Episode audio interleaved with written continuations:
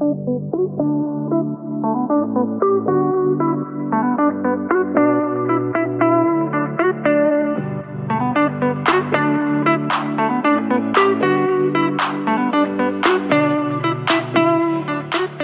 vi börja den här veckan med att prata om att du faktiskt har blivit stoppad av polisen? Igen, fast på ett annat sätt. Ja, alltså... Jag, sa jag ens det till dig? Ja just Ja, det, jag skickade en video. Mm. Ja, alltså vad fan. Nej men alltså... Nej men det var så dumt för att alltså jag, jag fattade ju att jag skulle bli stannad. Grejen var att jag hade... Det var ett möte inne i stan eh, på kvällen som jag skulle gå på. Det var ett, så här, ja, ett möte med massa ungdomar. Eh, på mitt jobb och eh, då cyklar jag in. Eh, för det här var på uh, Stureplan. Nej, inte Stureplan. Eh, vad heter det? Plattan. På Plattan. Ehm, så då cyklade jag in. Och min cykel har... Eh, alltså ljuset funkar inte på den. Och jag cyklar ju inte med hjälm, såklart. såklart. Inte bra. Nej, inte bra. Ingen förebild. Nej, och jag hade fan ingen eh, ringklocka heller. Rami köpte en ny. Men så nu har jag ringklocka. Ingen förebild. Men i alla fall, så jag hade ingen lampa och jag hade ingen hjälm. Och det här var ju, alltså jag cyklade ju hem så här äh, halv åtta på kvällen. Är det inte halt? Nej, det var inte det då. Eh, Det hade inte snöat då, det var när det var torrt. Okej. Ja, i alla fall. Och så, ehm, ja, så kör jag där längs med. Och så ser jag på en, typ på en parkeringsplats, eh, så ser jag en polisbuss eh, som har stannat en bil. Eh, men de är typ alltså precis färdiga så att de ska, har liksom, de ska börja köra. Och köra ut från den här parkeringen då. Och då behöver jag ju korsa, alltså jag behöver köra förbi dem. Så att när jag ser det så börjar jag ju ändå sakta in, men jag cyklar redan ganska fort för att jag cyklar fort. Ehm, nej men eh, så jag börjar ändå sakta in lite för jag tänkte så här: okej men jag ska låta dem köra ut först innan jag kör förbi dem. Men alltså det är inte så att jag tänker så här: jag ska göra det för att jag inte har något ljus och jag inte har någon hjälm. Utan jag tänkte bara, ja men typ bara för att jag pallar inte cykla förbi dem. Det är sjukt alltså att polisen ger en den känslan. Ja. Ehm, faktiskt. Men, ehm, mm, och då, eh, men ja, jag fortsätter ju cykla och han kör ju inte snabbt. Så att jag lyckas ju ändå precis komma fram när han ska köra ut. Eh, så kommer jag precis. Och eh, han står ju still. Så,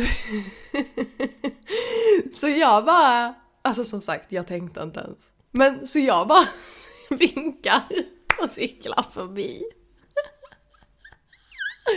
Alltså, Lilly. Alltså de måste ha tänkt vilken jävla idiot. Ja i alla fall. Så då kör de ju ut och såklart så måste de köra efter mig. Så att eh, de sätter på blåljusen. Alltså förlåt, men vem blir stannad på en cykel? Ja. Det är väldigt ovanligt. Jag vet, jag vet. Jag, jag har blivit det en gång tidigare också men det var liksom länge, länge sedan och jag har för mig att det var i Hässleholm. När jag var yngre och det var också på cykeln. Men, eh, men ja i alla fall, och så de tänder blåljusen, de kör upp bredvid mig.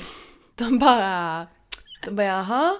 Eh, du kom rätt fort, han bara det är jävligt mörkt, man ser inte dig. Han bara hade jag inte stannat så, så eh, hade det blivit en krock typ. Jag bara men alltså just, det var ju inte som att jag inte såg dig. Alltså det var ju inte som att jag inte bromsade in. Men okej. Du bara, vi kan Ehm, backa bandet så kan Ja, vi prova igen. exakt. Nej, alltså först var jag nära på att säga det, så jag bara ah, Elvira gör inte det, skitsamma. Då. Ja, och sen han bara, han bara ja och sen du har ingen hjälm och du har inget ljus och man ser inte dig. Han bara och vi säger det här för din egen säkerhet. Och jag bara ja, ja men då går, hoppade av cykeln. Jag bara men då går jag hem då. Då är min fråga, gick du hem eller hoppade du på senare? nej det är klart jag hoppar på senare, herregud. Jag kan ju inte gå, jag, alltså det var liksom, jag hade ju fortfarande, alltså skulle jag gå den biten med cykeln då hade det tagit 30 minuter innan jag var hemma. Och på cykeln tar det 10. Alltså hell no att jag kommer att gå hela vägen. Så jag gick lite tills jag såg att de hade alltså, kört tillräckligt långt bort för att inte se mig längre och sen hoppade jag på igen. Och sen körde jag förbi en ny, en ny polisbil efter det. Men... eh, Det är något med dig att bli stoppad av polisen. Alltså du har ju också haft en så otrolig tur. Det är din skärm gumman. Jag fick ju pratat om det. Ja men det är det som är roligt för jag är ju inte charmig. Alltså jag är ju Nej, så det är inte faktiskt charmig. Nej, Nej. det är faktiskt inte. Nej. Alltså jag är ju snarare den som pratar emot lite. Och är lite såhär, Mm. ja ja ja. Och då, ja han sa ju, han bara, "Ah, ja för det, för det var en, en, alltså det är ju alltid lättare om det bara är snubbar. om vi ska vara ärliga. Ja. Men, men eh, det var en eh, äldre kvinna också i bilen. Så då tänkte jag alltså fuck, alltså eftersom att hon är med så kommer jag få en böter. Ehm, men eh, det var typ bara snubben som pratade och han bara, han bara ja, eh, ja men för denna gången så slipper du en böter men annars så är det böter på det här typ. Så jag bara, mm. Men det är ju precis som du säger att någonstans så har ju vi fördelar när det är en man oftast som möter oss. På grund av våran skärm och våran utsida.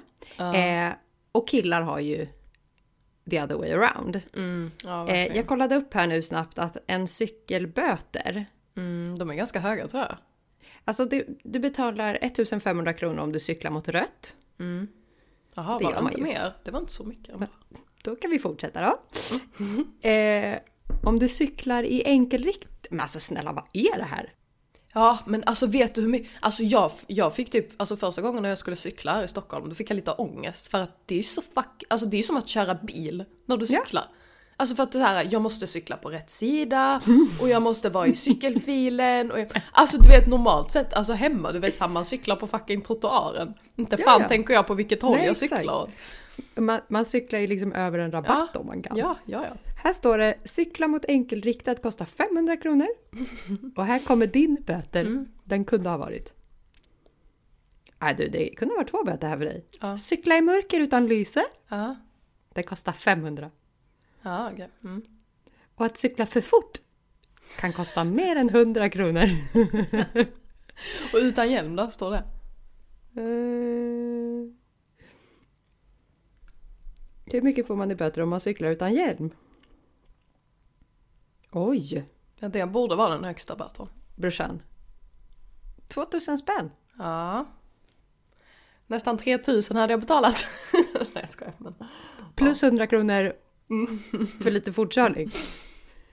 Och sen om vinkeln var otillåten, det vet jag inte. Nej, exakt. Nej jag cyklar åt rätt håll i alla fall.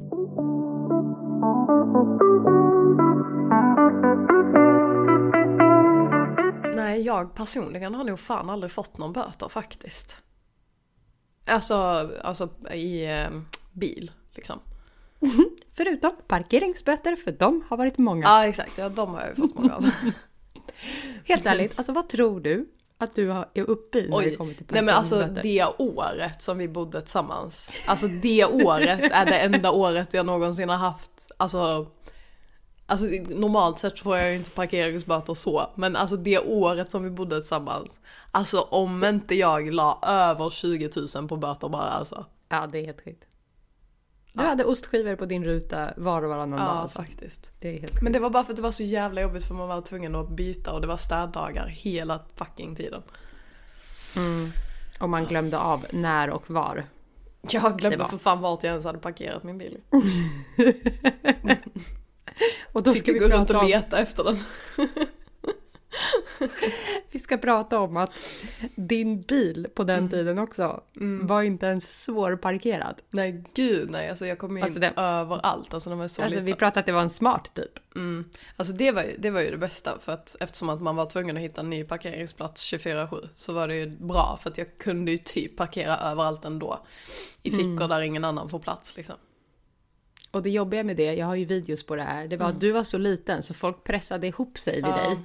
Så vi hamnade ibland i situationer där vi fick ringa dem som antingen var för, Ja, alltså framför eller Framför. bakom oss. För att du hade inte ens en millimeter Nej. att zigzacka ut på. Ja. Men bra, då ska du investera i en hjälm antar jag. Eh, nej men kanske ett cykelljus.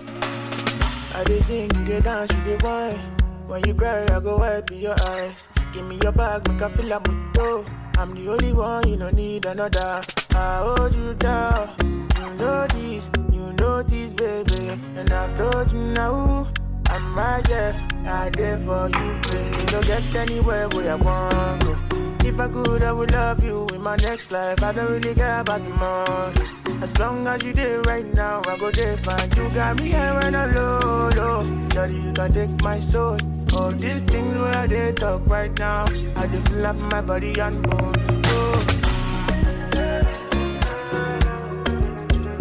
Body and soul. Body and soul.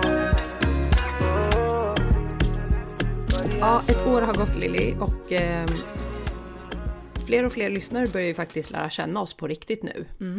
Och mycket frågor har ställts under tiden. Och nu kände vi att det är nog dags för både en liten eh, Q&A men också kanske så hinner vi med en liten tipslista för det är mycket som vi har hittat som vi bara måste tipsa om. Ja, eh, det var faktiskt ganska länge sedan som vi körde en Q&A. Så att eh, det är väl dags att göra en ny. Och du har ju, du har ju ställt ut, eller ställt, eh, Ställ, har jag ställt ut? Vem har jag ställt ut? snögubben på balkongen. Med en lapp där det står skicka dina frågor till mig. Jultomten kom med lite frågor. Så våra frågor kommer från mina grannar. Exakt. Nej men du har ju gjort en liten Instagram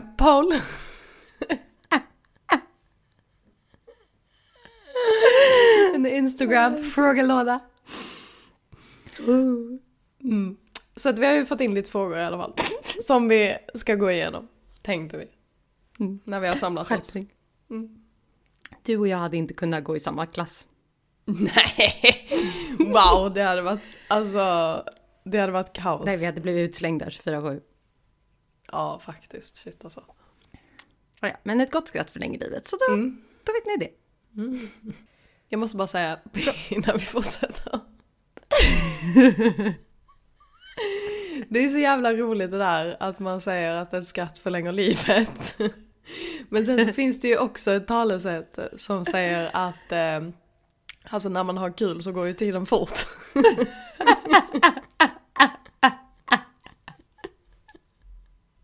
Så det är lite så här motsägelsefullt. Så livet blir lika kort ändå. Så med det sagt, sluta skratta. Jag börjar då. Från min granne till oss. Upplever ni att det finns någonting som folk ofta missuppfattar mer? Ja men alltså kanske från första början så kanske folk tänker att eh, hon är inte så trevlig. Jag undrar vad det är. Ja, För det är ju samma för oss båda. samtidigt...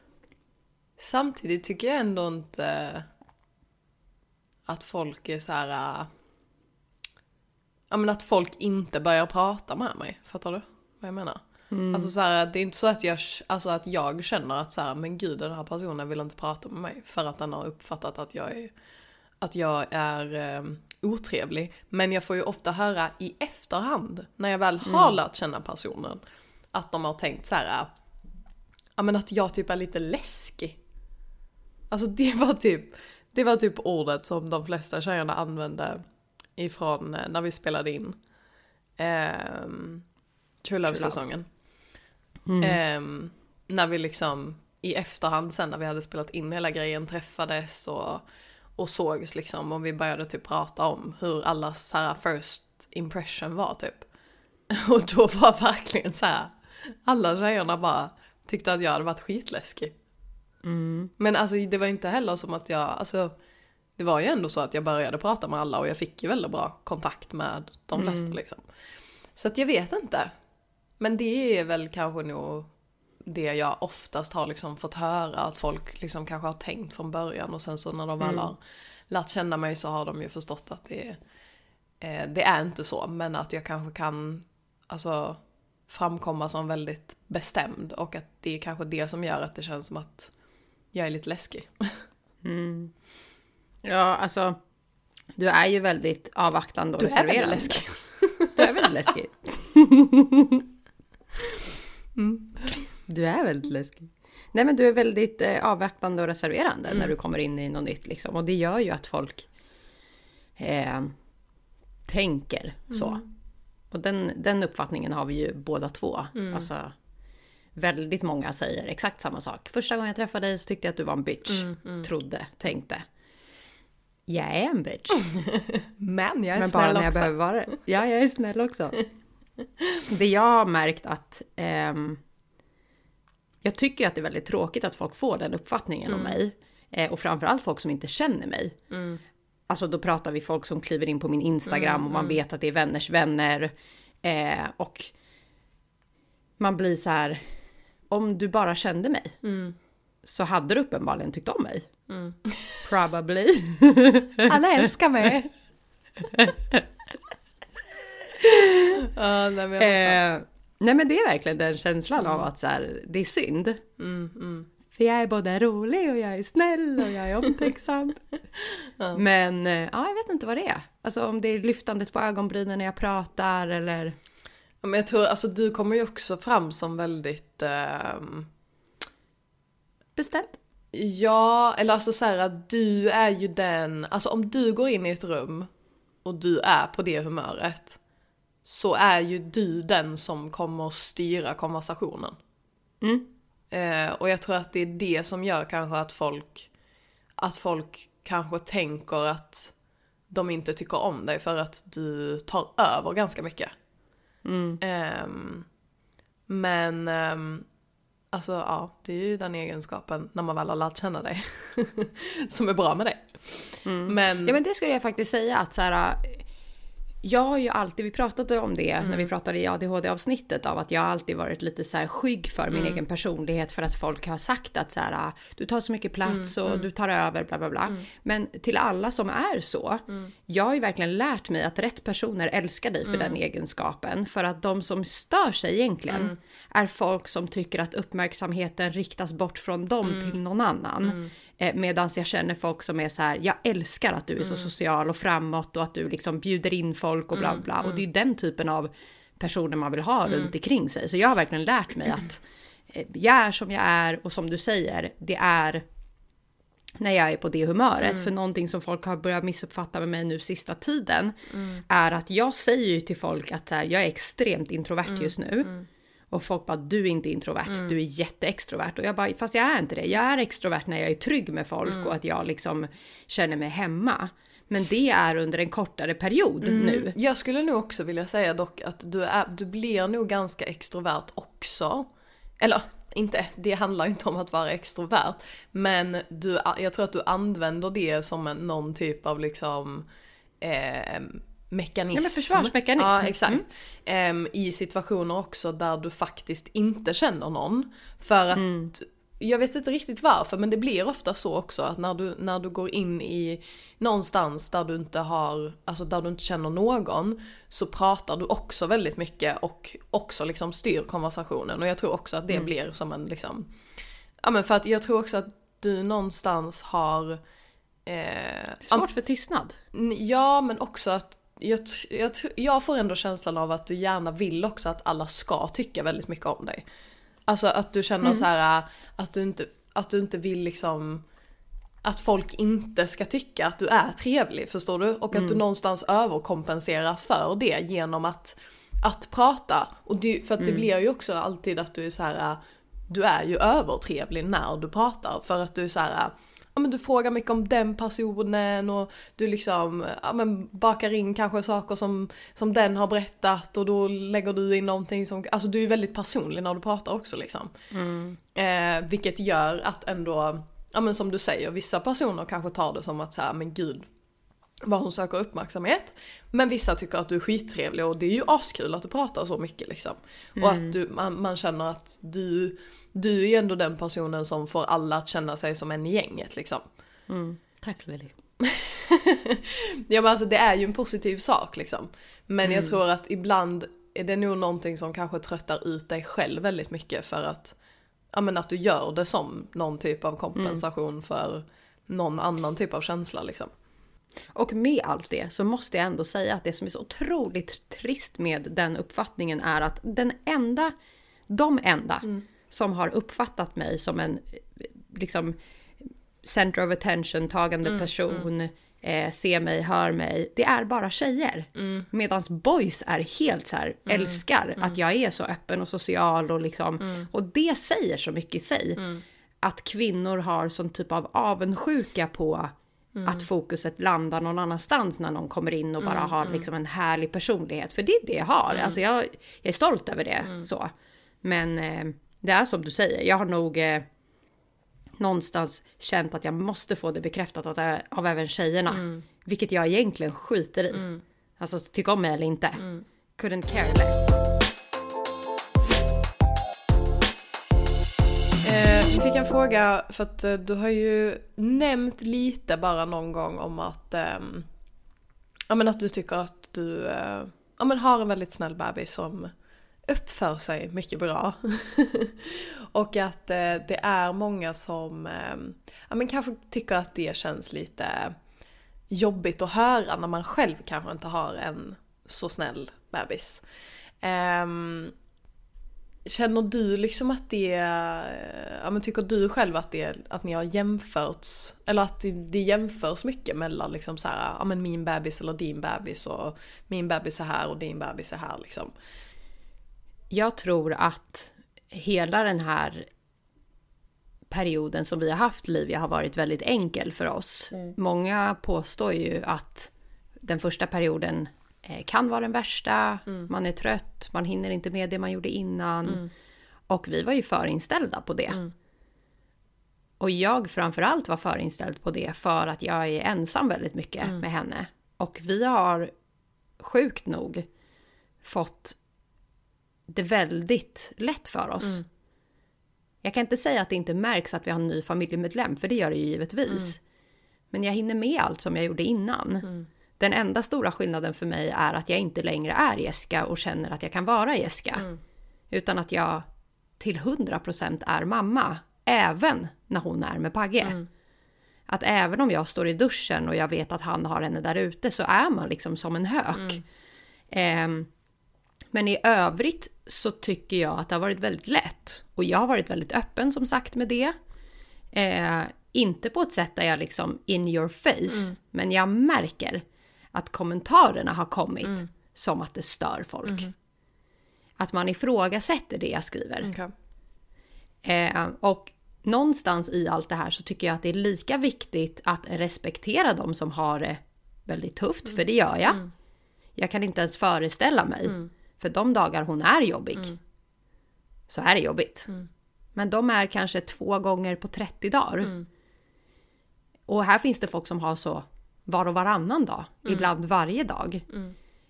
Men i allt det här så måste jag också säga att det är viktigt att också vara öppen med att det behöver inte vara tufft. För att det känns som att det är det enda folk pratar om. Att livet förändras och du är inte detsamma som innan. Och så är det visst, i alla fall i våran situation. Och då vill jag inte skymta med det på ett sätt som stör folk utan snarare lyfta det som att det kan bli bra. För det handlar ju också hu- alltså om hur man själv väljer att vara som person. Många trodde ju att jag som mamma, även du, skulle vara en extrem hök och att jag skulle vara liksom ängslig och ja, men, inte riktigt komma till ro. Ja. Men jag personligen har hört från flera att du är liksom, du är verkligen i din roll som mamma där du är väldigt trygg och att du är avslappnad och, och det känner ju förmodligen Livia av. Att vi är väldigt, eh, ja men cool med henne. Ehm, och det gör nog att hon sover nätterna igenom, hon har max två uppvak, hon, ehm, hon är liksom inte jättekrävande. Och jag är stolt över det. För att någonstans i allt det här så hade jag typ inte klarat, det är klart jag hade gjort det. Men om jag känner mitt eget humör och mitt mående och vara mycket själv och liksom sorgen. Det var någon som frågade häromdagen om hur det känns nu när Livia har kommit och att Bosse inte finns kvar i bilden längre. Att hade hon varit jobbig. Man får inte säga hon. Jag skulle snarare säga om det hade varit jobbigt. För hon är en bebis, hon kan inte rå för. Så. så tror jag att alla känslor gällande Bosse också hade kommit. För när någonting påverkar så kommer ju nästa påverkning. Mm, Så att i allt det här med att hon har varit väldigt snäll och väldigt eh, liksom sovit nätterna igenom. Hon har gett mig och Paggy våran egna tid. Alltså vi hinner med varandra Mm. mer än vad vi gjorde innan. Alltså så. Så tycker jag att det är så viktigt att också våga stå för det. Mm. För att någonstans grundar det ju sig i hur vi är som föräldrar också. Mm. Eh, så att ja, givetvis så finns det folk som stör sig på att det postas. Och ehm, jag säger väl som jag alltid säger att jämför er inte med mig och jag lägger inte ut det för att bli jämförd med utan snarare av att så här fan vad skönt bara. Ja, alltså jag tror så här. Alltså någonstans så ska du inte, och det är klart att det är jättesvårt, men någonstans så ska du inte jämföra dig med någon annan. För också så här, det är barn. Alltså en period kan vara asbra, en period kan vara asjobbig. De går igenom så mycket, alltså de här första åren. Så att det är också så här, alltså det är ju samma som, som med djur. Det är så här, första två månaderna med Lima var asbra. Eh, De eh, fem månaderna efter det var kaos. Alltså förstår du? Det är så här, det går inte heller, alltså det är ju känslor, alltså det är så mycket som spelar in. Så att det är så här, och, och jag, alltså, det är fortfarande fult att liksom mm, Ja men om det är någon som säger så här, ja men jag har en jättesnäll bebis. Ja men vänta du bara. Alltså det är ju också så här. Det kommer ju jämt. Ja exakt. Alltså det Och- är folk, Ja och det säger folk jämt till mig. Exakt, och det är så här, alltså det är ju bara en jätteonödig kommentar för det är så här, det kan gå asbra men ja det kanske blir kaos sen men varför ska jag sitta och liksom oroa mig över det nu? Ehm, och det är bara, alltså jag, jag vet inte, jag tycker bara att det är så fult att folk är så här. Men att man inte bara kan glädjas för någon annan. Utan att man måste liksom någonstans påpeka att så här, ja men vi fick ett helvete så att du kommer också få ett helvete sen. Typ så. Ja men det känns som att, för vi har ju några vänner nu som eh, väntar barn. Och de frågade oss, finns det något vi liksom kan göra för att förbereda oss? Och då var jag så här, nej, Nej. varken till förlossning eller till när hon kommer, eller han, eller vad det nu var. Ehm, utan, Så mycket brydde du dig. Han eller hon eller vad det nu var. de har faktiskt inte kommit fram till Nej, könet. Det lät bara kul. Men sluta skratta, vårt liv blir kort. Eh, nej men att, att ehm, vad skulle jag säga? Jag menar att de frågade er om de kunde förbereda sig på något sätt. Ja, och att mer... Ja, för, jo, för de sa så här.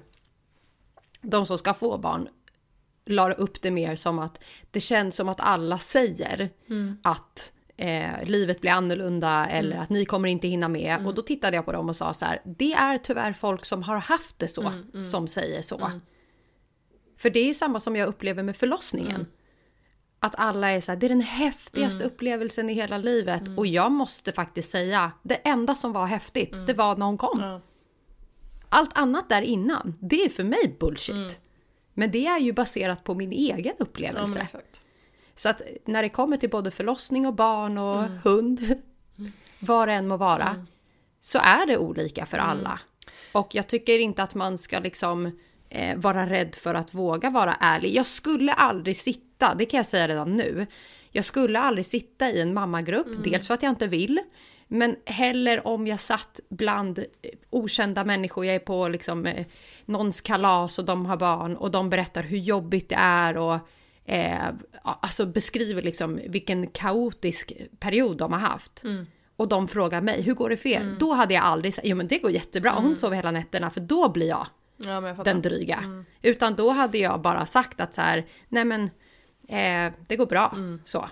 Vi tar dag för dag. Alltså att man liksom, man behöver inte slänga det i någons ansikte. Men på mina sociala medier så är det min sociala Ja, kanal. exakt.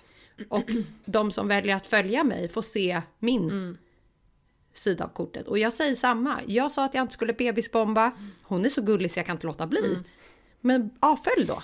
Tycker du att det är jobbigt så avfölj. Tycker du att det är jobbigt att jag säger att hon sover till halv elva eller att hon har varit fläckfri. Avfölj. Det är liksom...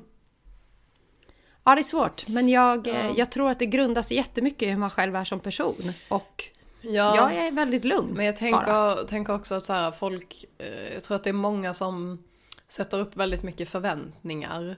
Eh, Mm. När man alltså, blir gravid eller ska få barn och, och när man väl har fått sitt barn. Att man, man har så himla mycket förhoppningar om hur det ska vara och det ska vara så mysigt och det kommer vara så gulligt och alla de här bitarna. Så att jag tror att någonstans så är det nog väldigt många som kanske inte har en så jättebra Alltså det blir ju någonstans inte en verklig uppfattning av hur det faktiskt kanske kommer att vara. Mm. Och som sagt, alltså det är ju väldigt olika för alla så att det går inte heller att du sitter och lyssnar på en, en, eh, eh, en podcast eller är inne på någon sociala medier som bara delar så här jättefina eh, delar. För att det är så här, om du då tror att det kommer bli så, alltså då måste du någonstans gå tillbaka till dig själv och bara så här, okej, det här är sociala medier, alltså folk delar oftast kanske bara med sig av de bra delarna och det är troligtvis inte den verkliga liksom, verkligheten. Mm. Att man må- någonstans måste sluta sätta så mycket förväntningar på hur det ska vara och hur det ska bli. Det är ju samma sak som när man blir gravid. Att så här, man har bilden av att så här, ah, men alla blir så himla fina och det är så himla gulligt och mysigt att vara gravid och eh, det är så här, det, alltså, för många är ju det verkligen inte verkligheten.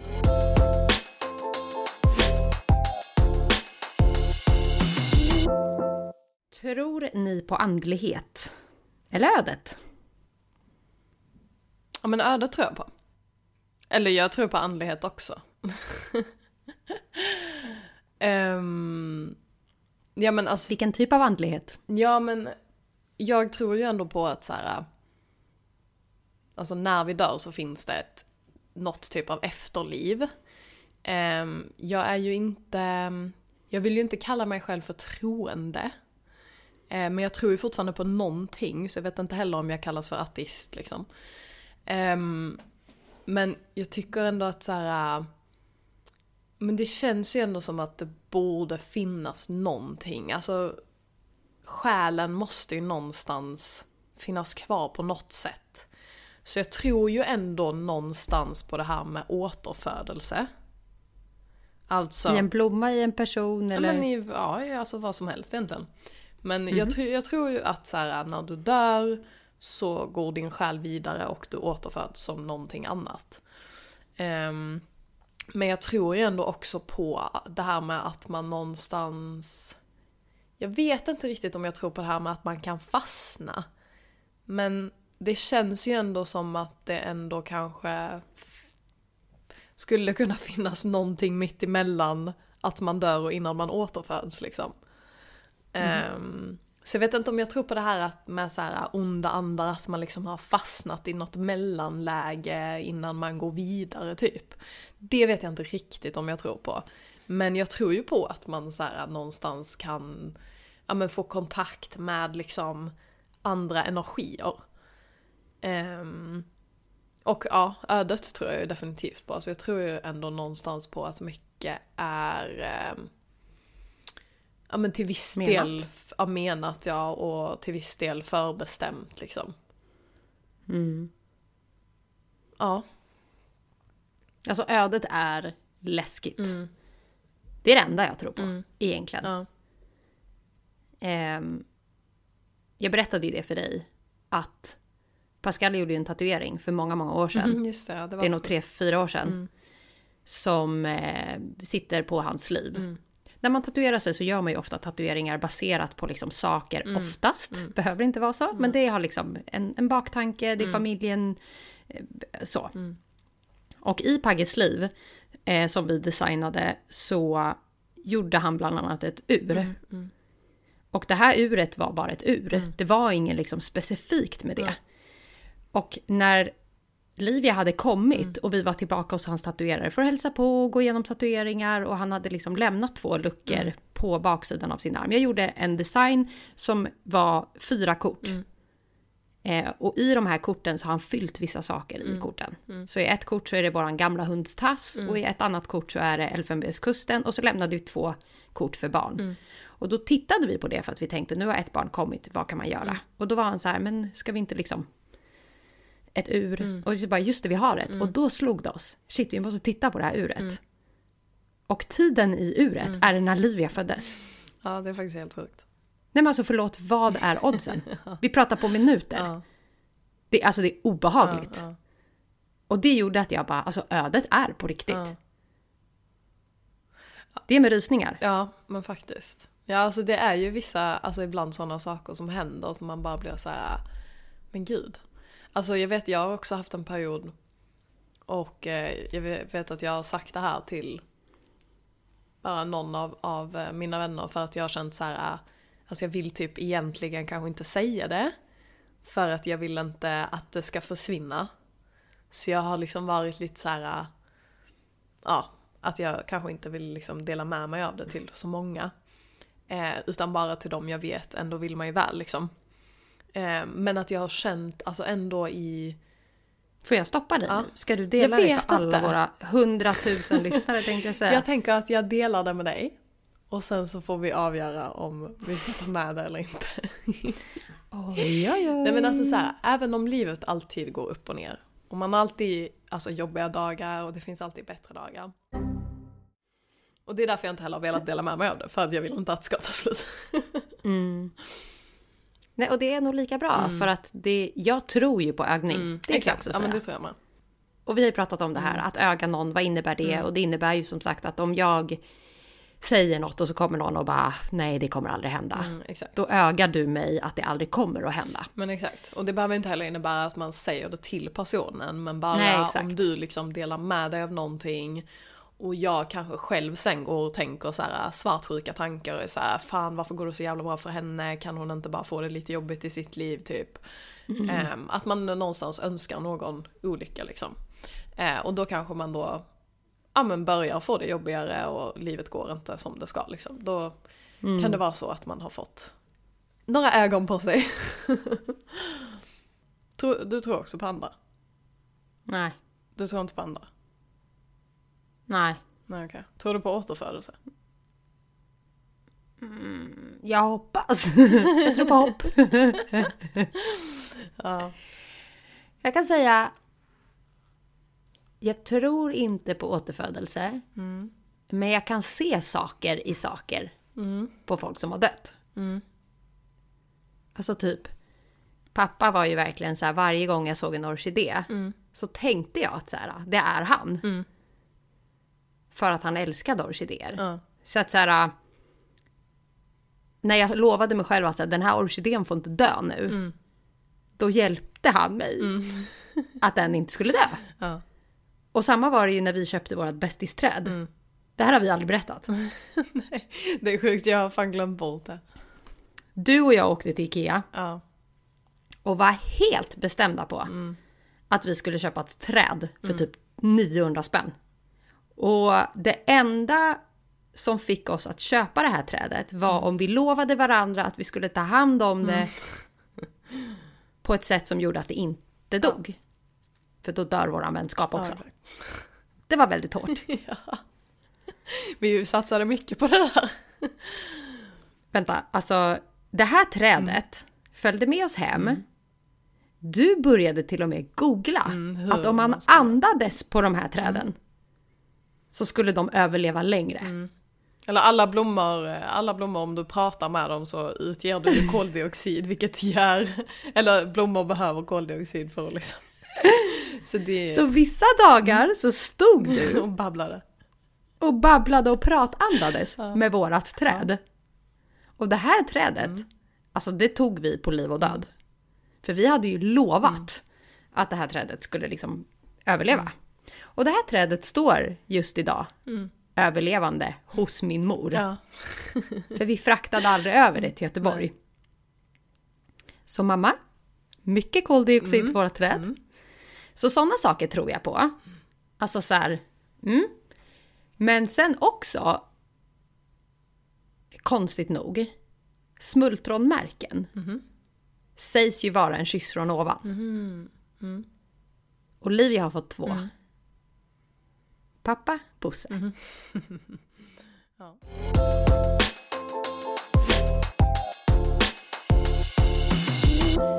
vad var ert första jobb? Vad jobbade du med allra först? När du gick in i arbetslivet efter skolan eller när du gick i skolan eller? Jag tror helt ärligt att mitt första, första, första jobb, mm. om inte räknar så här tömma diskmaskinen för en femma. Nej, det måste vara en riktig arbetsanställning. Okej. Okay. inte hos mamma. eh, eller hos en kompis mamma som blåste mig. Oj då. Mm. Drama. Mm, det kan vi prata om någon ja. gång. jag såg att det brann lite i dig. Mm. Eh, nej men mitt första jobb var...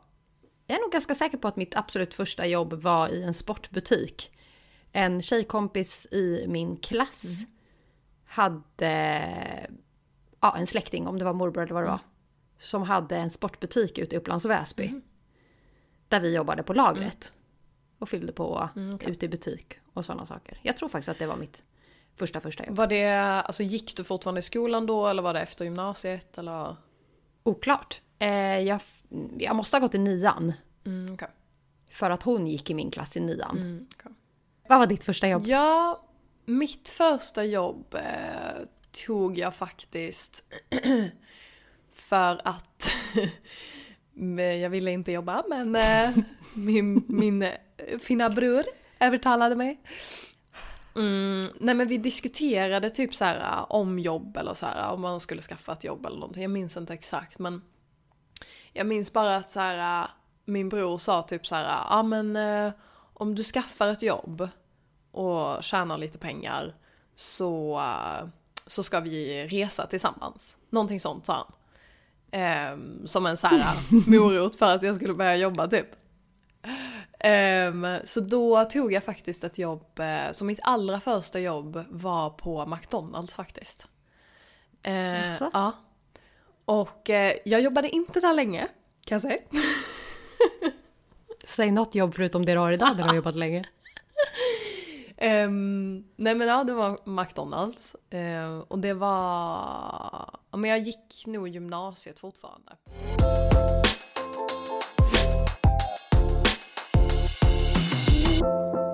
Vi har fått en fråga om jag vill ha fler barn efter förlossningen. Mm. Hur känner du? Ja och nej. händer det så ja. händer det. Mm. Så känner jag. Vi planerar mm. ingenting. Man kan vara klantig. Mm. Men vi jobbar på att inte vara klantiga.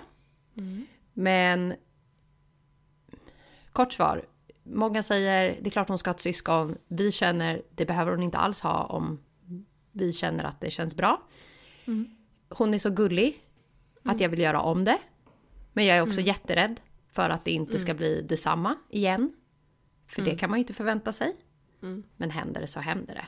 Men jag tror att vi, ja, två, tre kanske. Mm.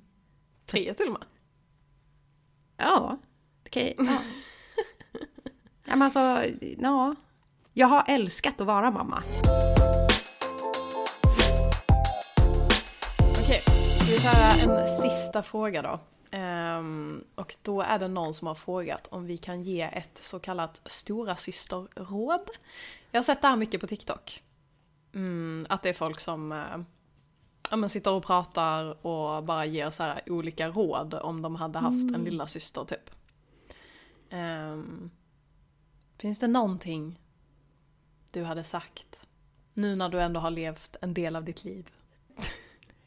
Mitt storasysterråd ja. är fan att lita alltid på magkänslan. Ja. För ja. jag har så många gånger mm. lyssnat på magkänslan mm. och skitit i det. Och i efterhand mm. ifrågasatt varför lyssnade jag inte bara på mig själv? Mm, mm. Någonstans är vi skapta för att magkänslan är där för att övertyga mm. oss om det vi faktiskt känner där och då. Mm. Och det kan vara bra och dåliga saker. Mm. Men lita alltid på magkänslan. Ja. ja, det är faktiskt sjukt att ändå alltså magkänslan nästan alltid har rätt. Ja men den har typ alltid rätt. Ja. Mm. Så det är mitt storasysterråd. Lita ja. på magkänslan. ja. Varje gång, i alla situationer. Spel, kärlek, mm, vänskap, mm. jobb, drömmar. Mm. Magen. Ja, alltså det jag tänker säga har ni hört många gånger tidigare. Nej men och det är ju ett så här också, ja men lite så här som lita på magkänslan. det är inte ett så väldigt specifikt råd. Men det är ändå någonting som alltså vi har levt efter i ganska många år nu. Mm. Och alltså det är bara en så skön liksom inställning som gör att man någonstans bara kan liksom gå vidare med sitt liv, även om det är jobbigt. Mm. Och det är att allt löser sig. Alltså oavsett vad du går igenom så kommer det komma en dag då livet går vidare, allting löser sig. Även om det är jobbigt ibland så kommer det alltid någonstans bli bättre. Mm. Och alltså det, det har hjälpt mig mycket för att så här, när man är i en jobbig period och man alltid känner att så här, ja men fan det är så fucking jobbigt och jag pallar inte med dagen och det enda jag vill göra det är att gå och lägga mig. Men det är så här, någonstans vet jag att om en vecka, om två dagar, om en månad så kommer allt lösa sig. Mm. Det kommer att bli bättre. Mm. Man kan inte fastna i den här äh, känslan av att så här, allt bara är skit. Nej, allt måste lösa sig. Ja, alltså för att det är så livet går vidare.